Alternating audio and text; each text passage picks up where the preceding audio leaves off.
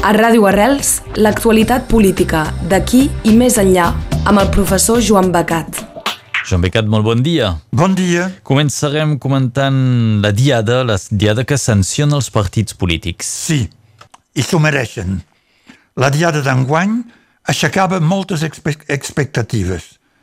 Com aniria, què se diria, què diria la gent sobre els partits independentistes que no s'entenen, com reaccionaria aquesta gent els dies abans hi va haver diverses declaracions de líders polítics, essencialment d'Esquerra Republicana, criticant que els partits no siguin al davant de la manifestació i fins i tot atacant l'ANC.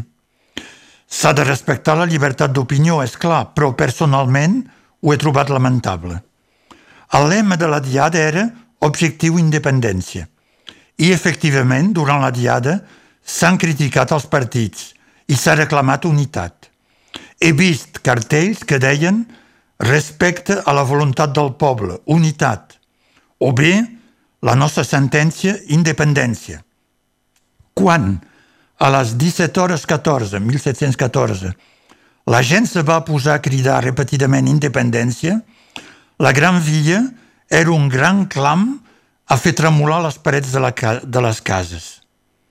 Sempre hi ha la batalla de xifres.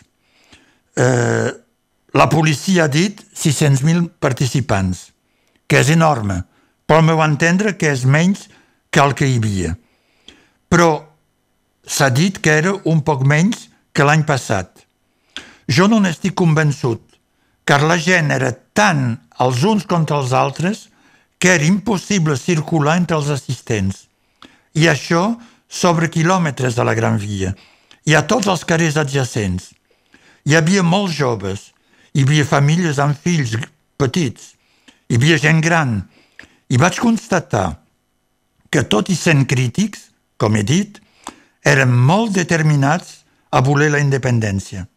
Demostraven, tota aquesta gent, que la base era ferma i que les vicissituds judicials o polítiques no feien canviar d'opinió als independentistes de base, la gent del carrer, els que van votar l'1 d'octubre. La premsa de Madrid ha procurat minorar la importància de la diada, insistint sobre la, la desunió, sobre un fracàs que de fet no s'ha produït. Fins i tot, certs diaris de Madrid han posat fotos preses una hora abans de la manifestació, quan la gent arribava, per demostrar que hi havia poca gent una manipulació total. Si prenem aquestes mentides al peu de la lletra, doncs, per la premsa madrilenya, suposem les 500.000 persones de la diada i diuen que és un fracàs, i aleshores les 150.000 comptades per la gran manifestació per la unitat d'Espanya fa dos anys era per ells un èxit total. Realment ens prenen per tontos, a nosaltres i als seus lectors. La premsa internacional va ser més objectiva perquè, de manera unànime, ha notat la importància de la manifestació. En efecte, és el doble dels manifestants a Hong Kong i és la més gran manifestació que s'hagi fet al món aquest any. Això constatat, per aquesta premsa internacional, la interpretació varia. El Figaro i Le Point, diaris francesos, insisteixen sobre la divisió dels partits i d'altres, a la premsa estrangera, sobre l'èxit malgrat les circumstàncies. Parlen de marea humana, de manifestació impressionant. Per exemple, el Washington Post posa en titular manifestació massiva per la independència de Catalunya a Barcelona i l'estampa de Roma, Itàlia, posava impressionant marea humana. A més, tot el dia, davant del Parlament, hi havia una manifestació no tan gran, alternativa, de la CUP i dels independentistes d'extrema esquerra per una acció immediata cap a la independència. Molts joves, un veritable setge tot el dia. Amb enormes lletres blanques de més d'un metre es llegia traïdors i botiflers, que anava dirigit cap als diputats catalans acusat de covardia i de connivència amb l'estat espanyol. Efectivament, la seva actitud és aquesta, dic jo. I aquests qualificatius van acabar cridats contra els Mossos d'Esquadra que protegien el Parlament. Per tant, una diada per tots els gustos. Aquest és el resum, la conclusió després d'aquesta diada de l'11 de setembre a Barcelona. Baixarem més cap al sud i ens interessem per aquestes pluges torrencials i l'aiguat que ha tocat el País Valencià. Efectivament, de dijous a dissabte, molt menys el diumenge, doncs durant tres dies, una depressió mediterrània se va quedar centrada entre l'Algèria i el País Valencià i va enviar contínuament núvols i pluja i va provocar un fort aiguat de tardor.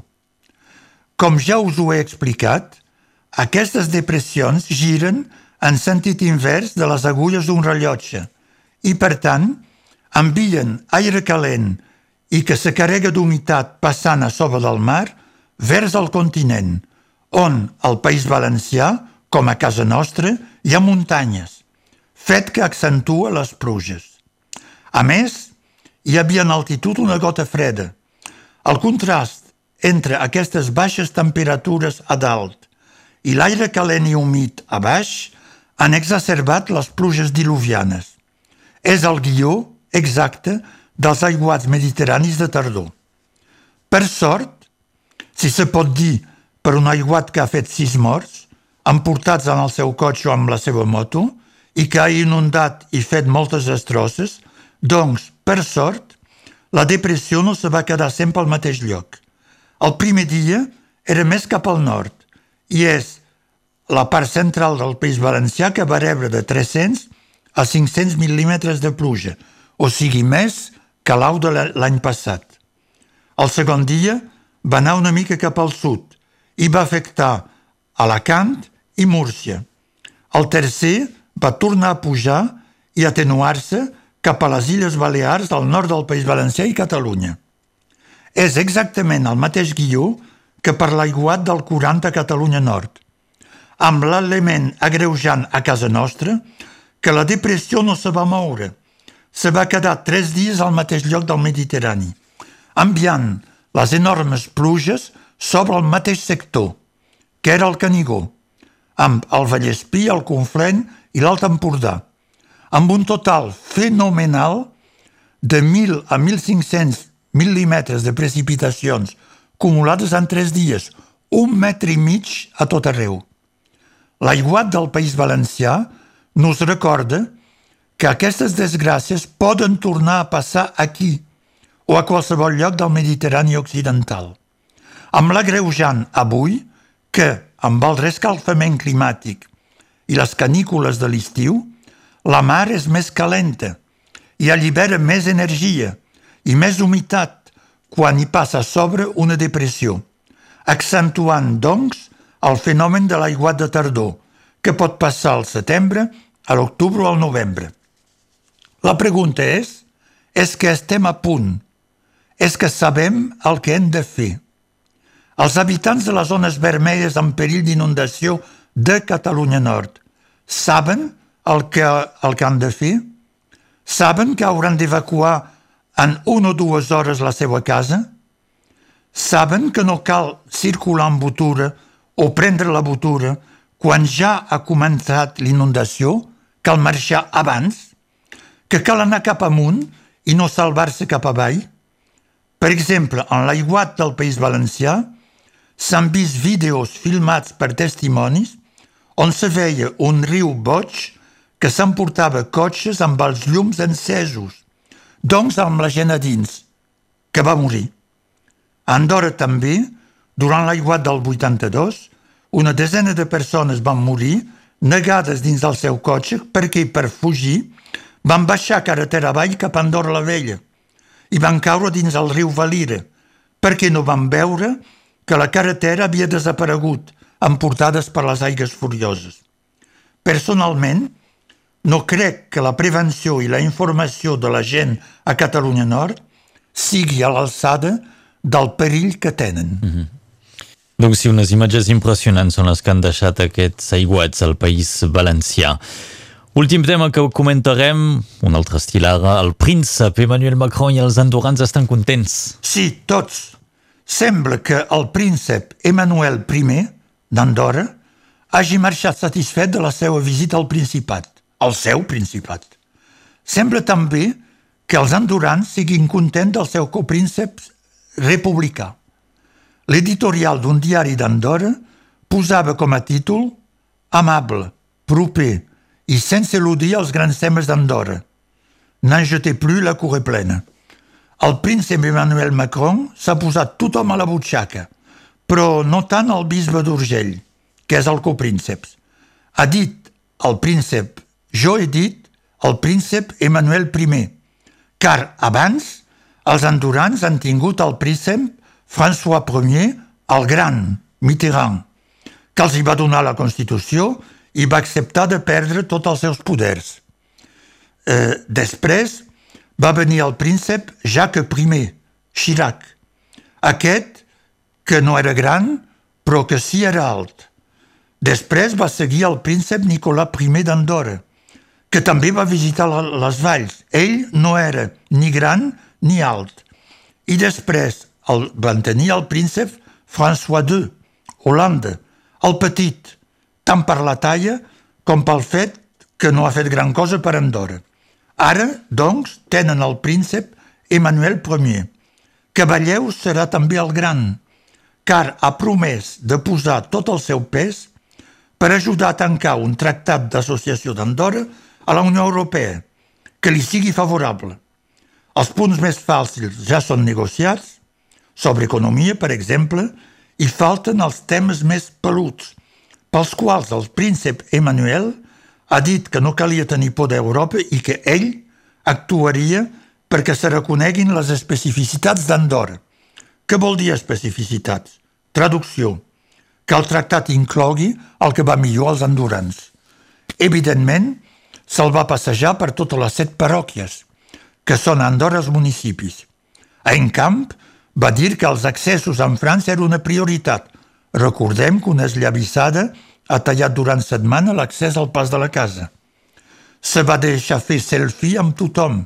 Fins i tot n'ha fet un ell per una àvia que no sabia gaire com calia fer amb el seu mòbil. Ha firmat, ha tocat manetes.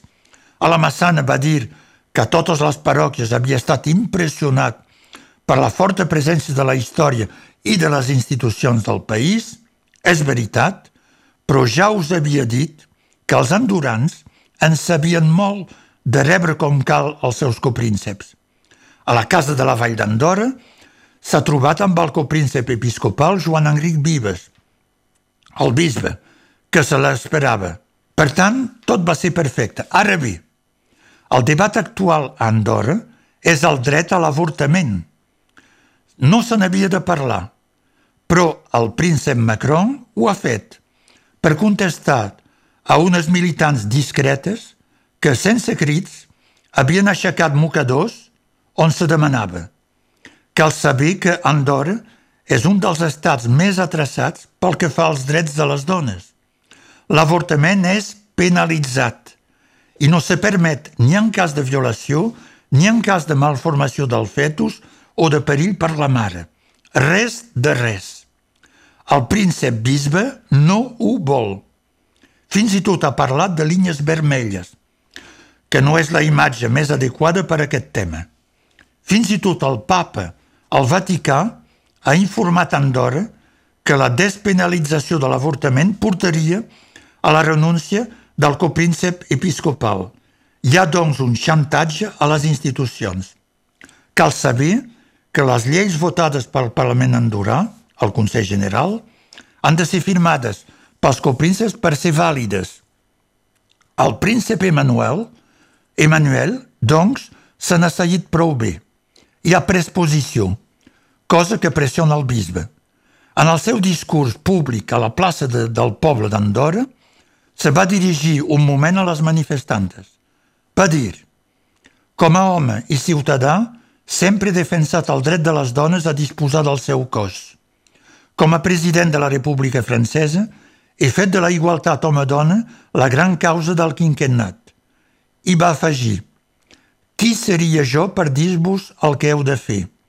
Us pertany a vosaltres, ha eleccions, d'obtenir la majoria que us permetrà de procedir a les evolucions en les quals creieu. Cosa que vol dir que si voteu l'avortament, jo el firmo. Andorra, mai cap polític havia estat tan clar sobre la seva posició. Llevat, evidentment, del bisbe, que havia dit ni parlar-ne. Doncs ara és parlem-ne. Mm. Doncs així ha anat aquesta visita d'Emmanuel Macron a Andorra. Ens en parlava avui el nostre cronista Joan Becat. Moltes gràcies. Bon dia a totes i a tots. A Ràdio Arrels, l'actualitat política d'aquí i més enllà amb el professor Joan Becat.